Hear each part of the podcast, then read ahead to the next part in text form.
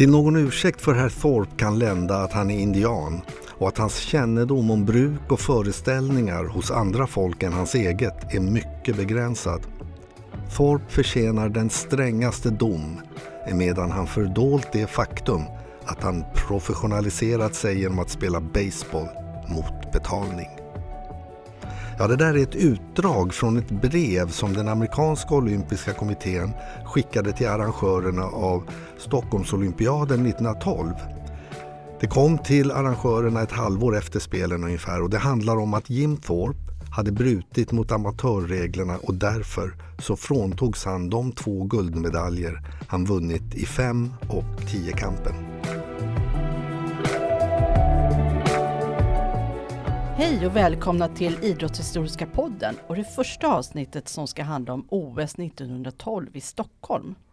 Jag heter Pernilla Klingonström och med mig i studion så har jag Kalle Örsan och vi jobbar båda två på Riksidrottsmuseum i Stockholm. Kalle, det här med Solskensolympiaden som OS 1912 kallas, hur kommer det sig egentligen? Ja, det är en ganska enkel förklaring. Det var helt enkelt väldigt fint väder under juli månad och det var framförallt under juli månad som, som de flesta eh, grenarna avgjordes i, i Stockholm. Det var kanonväder, det var liksom verkligen, verkligen fint. Men till det här så kommer ju också att spelen var framgångsrika på många andra sätt. Sverige blev bästa nation, det var 24 guld, 23 silver och 17 brons. Det var de dittills största spelen med flest antal deltagare från flest antal länder och 28 nationer med ungefär 2500 deltagare.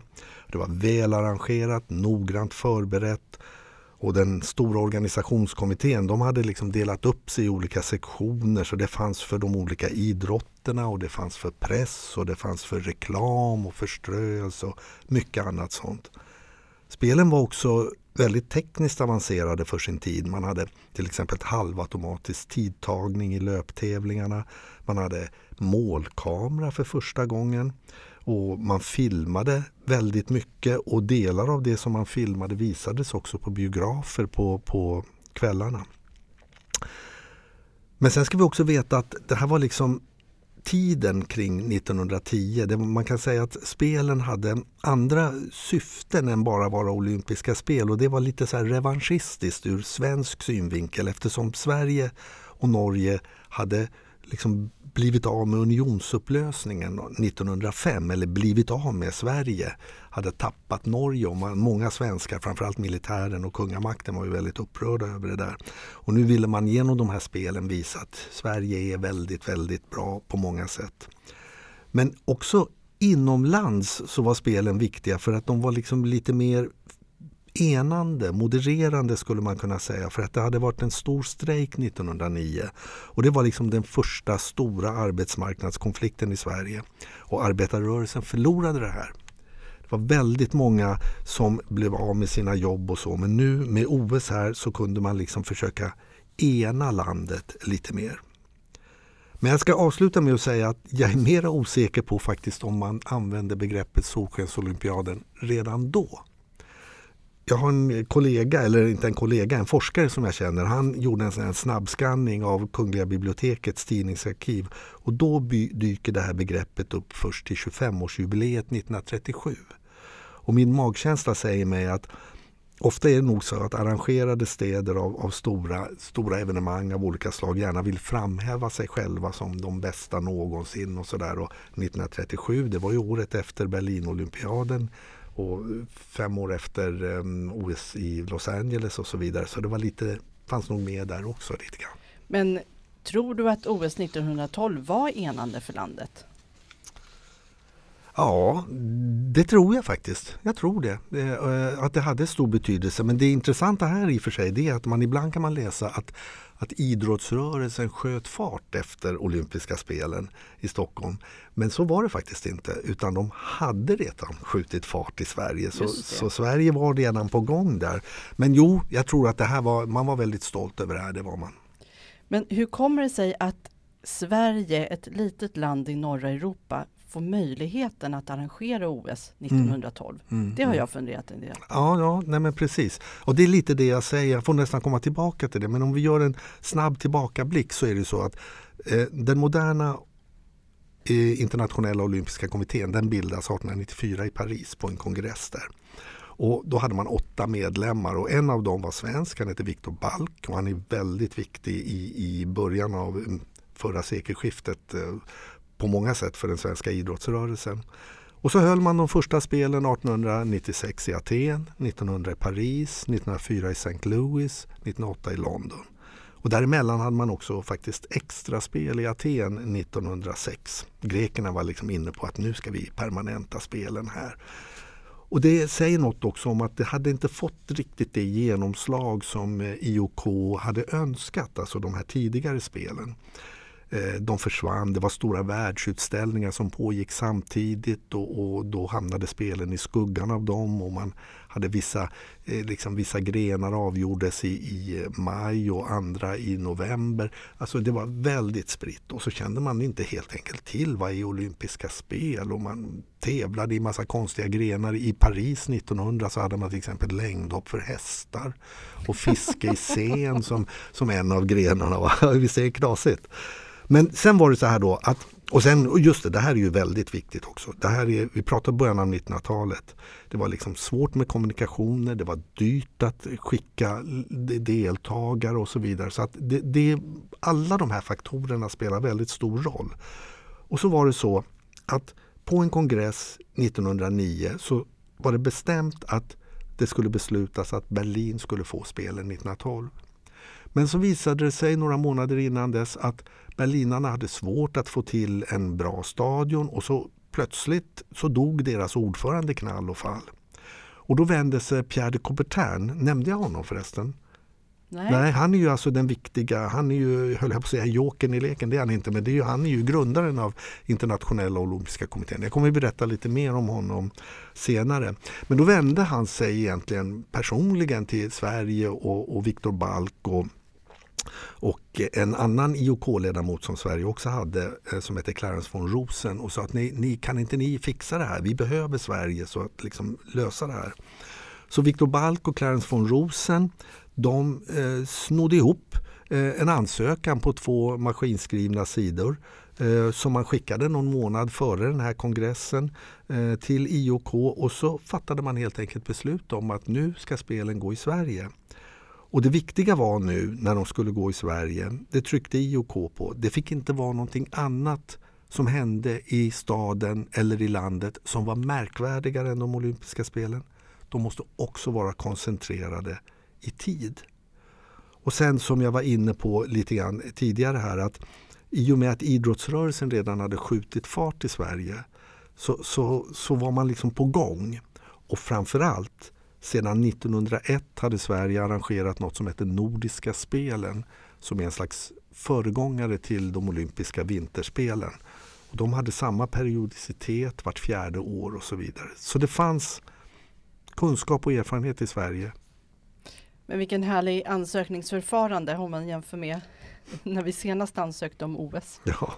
Jämför lite. Du den här eh, Clarence von Rosen du pratade om, ja. är det samma Clarence von Rosen som du berättade om i bandypodden? Ja just det.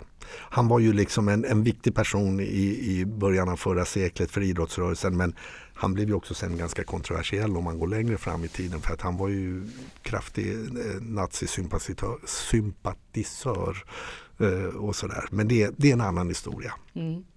Du, jag vet att du har varit i Riksarkivet där alla handlingar från OS 1912 finns. Mm. Och jag eh, får sådana här otroliga bilder i huvudet nu. Mm. Du har berättat om det här för mig. Mm. Berätta, hur, hur ser det ut där? Ja, det är helt fantastiskt.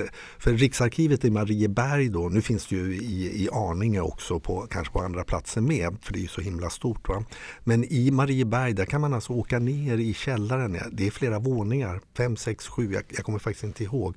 Men så när man kommer ner med hissen där till något våningsplan så är det nästan som om jag minns rätt, det är som eh, liksom en spindelben som sprider ut sig så här och så är det bara fullt med arkiv överallt och där ligger det och där ligger det. Det är fantastiskt spännande. Och där finns alltså 23 hyllmeter protokoll, ansökningshandlingar, foton, affischer och mycket mer från eh, de olympiska spelen i Stockholm 1912.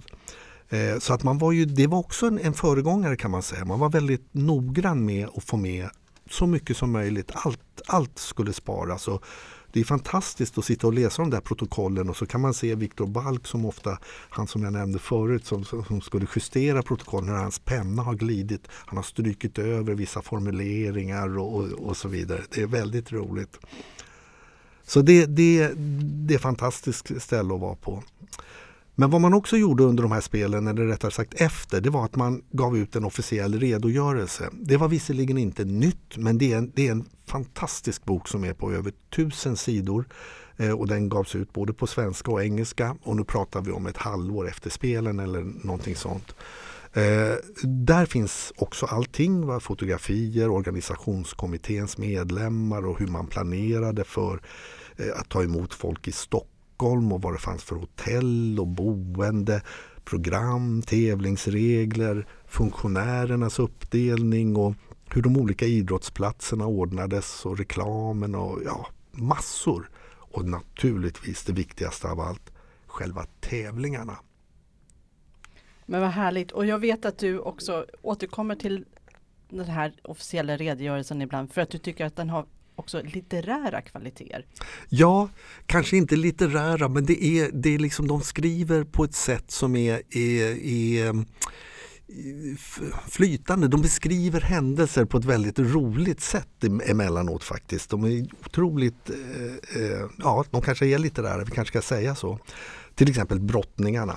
Eh, brottningstävlingarna de genomfördes på Stockholms stadion nedanför Sofiatornet eh, där och på den tiden så brottades man ända tills någon person förlorade. Man, hade, man brottades i 30 minuter ungefär och sen fick man vila någon, en eller ett par minuter och så fortsatte man ända tills någon förlorade som sagt. Och den längsta matchen vill jag minnas pågick i 11 timmar och 40 minuter. Och då som vi pratar Solskensolympiaden, vi pratar 25-30 grader varmt och så vidare. Och då står det i den här boken om dansken i tungvikt, Sören Jensen. Han gav upp semifinalen eh, efter att, och nu citerar jag ur boken, har blivit så genomstekt att hans kött ångade som lätt svedd oxstek. Det är väl en underbar formulering, eller hur? Det finns massa sådana exempel. Jag tycker också den här i finalen i mixed i tennis är ganska rolig också. För då, då, var det så att eh, Sverige ställde i mixed upp med eh, Sigrid Fick och Gunnar Zettervall och de liksom gick direkt till final. Det var en massa walkover och sådana där grejer och så mötte de ett tyskt par. Men då står det här i, i redogörelsen när man ska beskriva den här finalmatchen så, så står det att i början av matchen så citat Fru Fick råkade slå sin partner med racketen i ansiktet så att sår uppstod. Detta nedsatte i avsevärd grad spelhumöret hos Zettervall som sedan matchen igenom spelade betydligt sämre än vanligt. Han är jätterolig. Ja, visst är det härligt. Oh.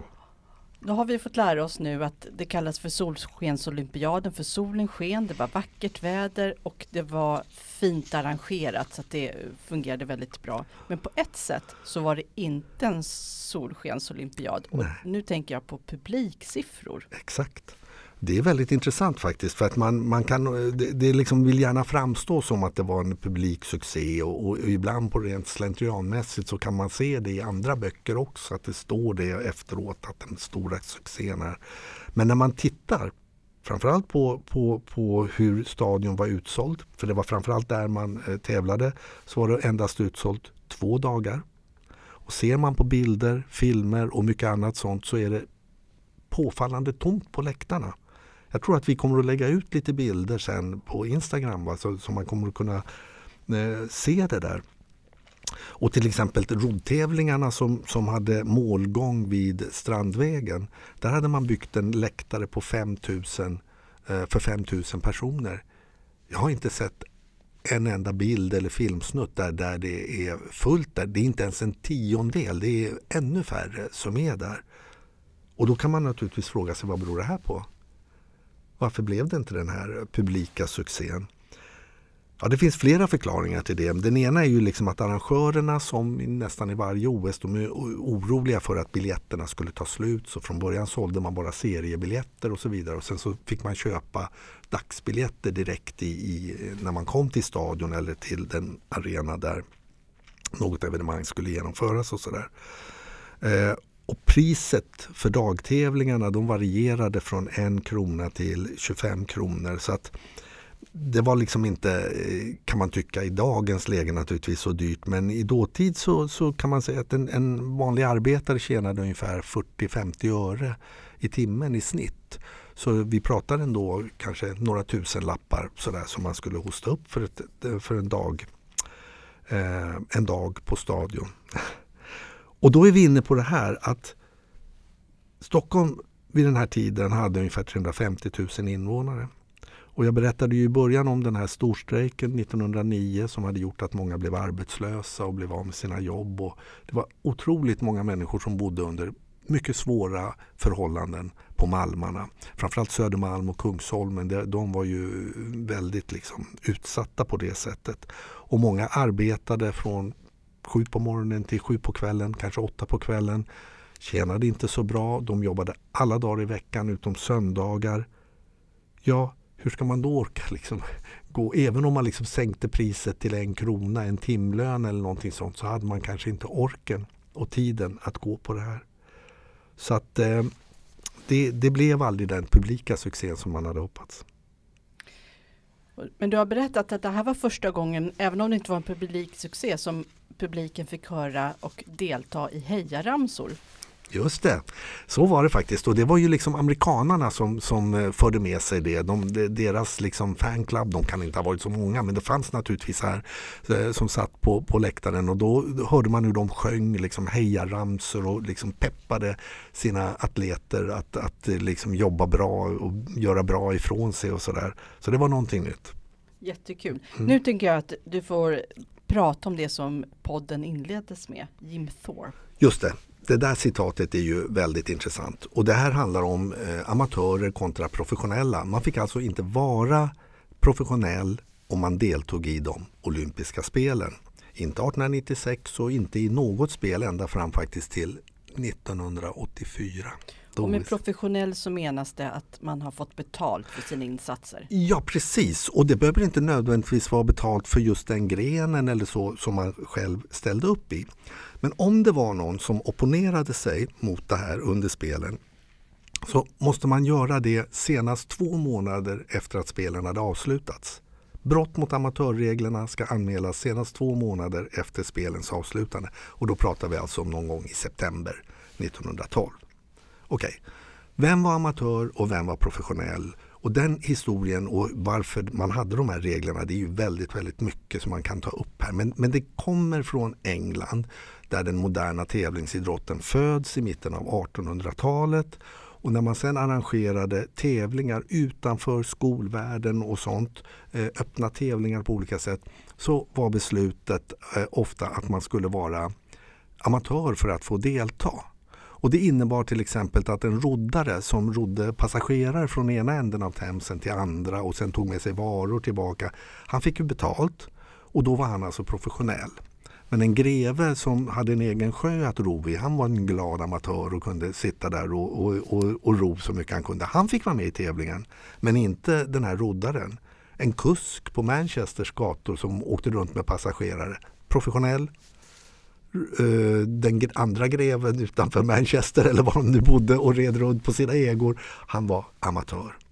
Och det här liksom, till exempel, det stod faktiskt också i Stockholms roddförenings föreskrifter åren kring 1900 att man fick inte vara arbetare för att eh, vara med i Stockholms roddförening för då betraktades man som professionell. För de hade ju liksom fysiskt krävande jobb och då var det fusk. Mm.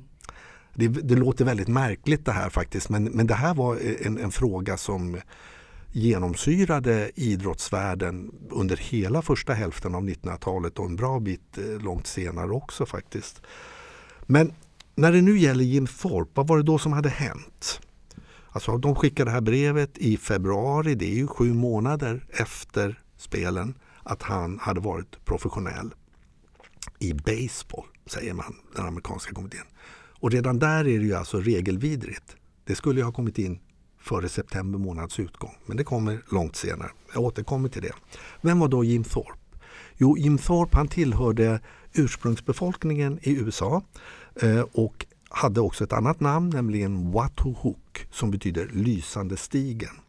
Och man upptäckte ganska tidigt när han var redan var 14, 15, 16 års åldern att han hade en fantastisk idrottslig begåvning. Han var duktig på allting.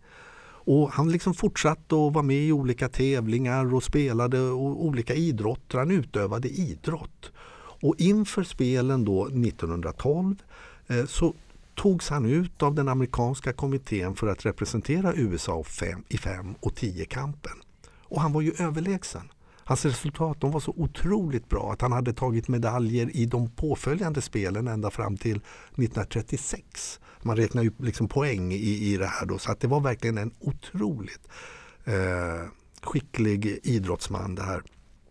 Och han blev också väldigt uppmärksammad under, under, redan under spelen av media och, och, och sådär. Att man liksom, Jim Thorpe han, han var liksom den här, den spelens stora idol, stora hjälte. Nästan alla olympiska spel, stora idrottsevenemang har ju alltid någon som kliver fram som en idol och sådär. Så det stod väldigt mycket om honom. Och när prisutdelningen var eh, så var det Gustav V, kungen, som skulle dela ut priset. Och liksom som en passus kan man säga att man hade ju ingen prispall då utan det var kungen som stod lite över och så fick liksom eh, atleterna komma fram där i, i, i kostym och, och sådär och så stangade han på dem en lagerkrans och, och gav dem medaljen och lite priser och vad det nu kunde vara. Thorpe fick ju väldigt fina priser för vinsterna i, i fem och tio kampen. Och kungen han lär ha sagt någonting om att ni är spelens stora idrottsman och sådär och då ska Jim Thorpe ha svarat så här, Thanks King eller något sånt här amerikanskt. Det är förmodligen någon slags myt. Men nu visar det sig alltså att Thorpe hade spelat baseball och tjänat pengar på det där. 60 dollar har man kommit fram till nu så här i efterhand. Och det var året innan. I någon, i någon mindre liga eller vad det nu kan ha varit någonstans i USA. Och det var det den amerikanska olympiska kommittén tog fasta på. Och skickade in det här och fråntog honom medaljerna. Och man fick till och med Thorpe själv att skriva ett, ett, ett, ett, ett ursäktande brev. Där, där han säger så här till min ursäkt kan anföras att jag var endast en indiansk skolpojke. Och det där låter ju liksom som om det är någon som nästan har stått över ryggen och så skriver du så här och så skriver du så här och så vidare. Så att liksom man fick honom själv att på något sätt erkänna det här. Men det här var ju som sagt regelvidrigt. Kom det inte några reaktioner på det här? Det var ju, fanns ju liksom, då levde man ju inte under internettiden så att det, saker och ting spreds ju inte så fort. Men det spreds naturligtvis i Sverige. Och då var det några som reagerade på det här och tyckte att det här är ju förskräckligt, det här är ju inte korrekt. Regelverket är ju väldigt tydligt i det här, varför ska man frånta honom de här medaljerna? Så då kommer det i en tidning som heter Nordiskt idrotts, idrottsliv så är det eh, ett, ett förslag till insamling som kommer till Thorpe. Och, och då säger man så här Må vi visa att vi ännu minnas den bästa idrottsmannen vid de olympiska spelen och må vi giva honom en minnes, ett minnestecken som ej kan tagas ifrån honom. Vem ställer sig i spetsen för en insamling bland Sveriges idrottsmän till en hedersgåva åt Torp, den ende som kunde besegra oss? Så där var det alltså några som stod på Thorps sida och tyckte att det här borde vi göra, det här är förskräckligt, det här är inte bra. Den svenska idrottsledaren och ASEA-chefen Sigfrid Edström som sedermera kom att bli IOK-president eh, under 40-talet och, och, och sådär, en av de största svenska idrottsledarna. Han var kritisk till den här insamlingen och tyckte att man inte skulle reta upp amerikanarna. Och sen ska vi också veta att Edström han var en rabiat motståndare till professionella idrottsmän och det där liksom han hamnade ju till exempel i klammeri med Finland när han bland annat såg till att Paavo Nurmi, den store finske löparen på 20-talet och inte kunde ställa upp i OS i Los Angeles 1932 och så vidare. Så, så Sigfrid Edström han var motståndare till det där. Men fortfarande var det ju så att det här var ju inte korrekt. Det var ju faktiskt regelvidrigt det här. Så de som drev på den här insamlingen de backade och man gjorde ingen sån. Men det blev en, en, en um, slutreplik i den här tidskriften Nordiskt idrottsliv där det är en man som heter Elis Lindroth som är ganska radikal i sin formulering eh, när han säger så här att att liksom i, i USA så florerar det ett rashat, säger han. Inte endast mellan vita och svarta utan även mellan vita och röda. Och det är där som roten till hela dramat om Thorpe ligger. Så han, han menade så här liksom och så säger han också att om det till exempel hade varit en asiat eller en svart person som hade kommit tvåa efter Thorpe i de här olika grenarna. Hade man då fråntagit honom medaljerna och låtit dem få det? Knappast. Det är i varje fall vad han antyder. Och vilka var det som kom tvåa och, och, i det här? Jo, det var en norrman som heter Ferdinand Bie och en svensk som heter Hugo Wislander.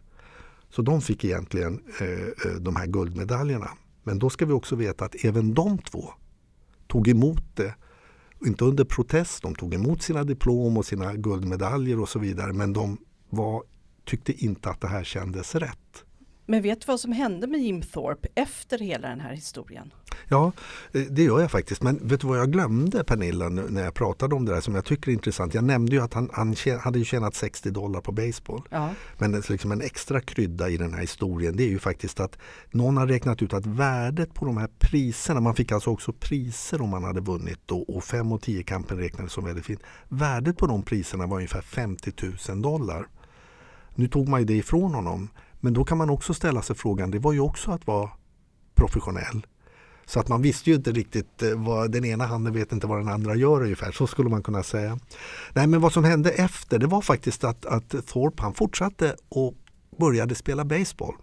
Och fortsatte sin idrottskarriär och var framgångsrik under 10-talet och, och, in, in på 20-talets början tjänade faktiskt en hel del pengar och eh, liksom blev, blev professionell på riktigt eller vad man ska säga. Eh, men sen blev han då, eh, var han också skådespelare. Han fick ofta spela indian och stå där i, i liksom de här, mm, ibland i början på stumfilmerna men även i vissa talfilmer och så fick han säga några konstiga ord här och var. Men med tiden så blev det liksom, eh, gick det ut för med Thorpe och han blev alkoholiserad och var till och med gravt alkoholiserad när han gick bort i största fattigdom 1953.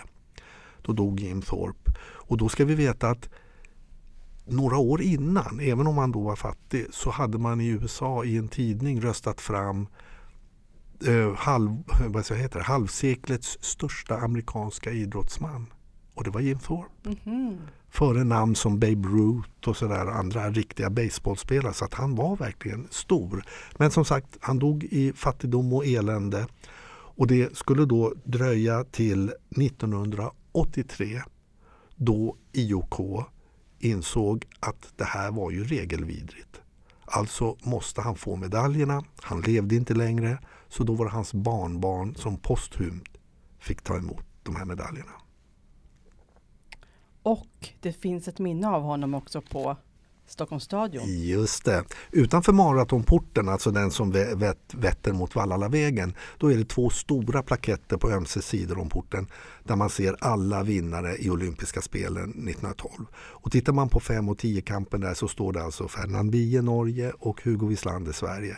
Men bredvid så har man satt upp en liten plakett där det står att det var Jim James Thorpe som egentligen vann 5 och 10-kampen.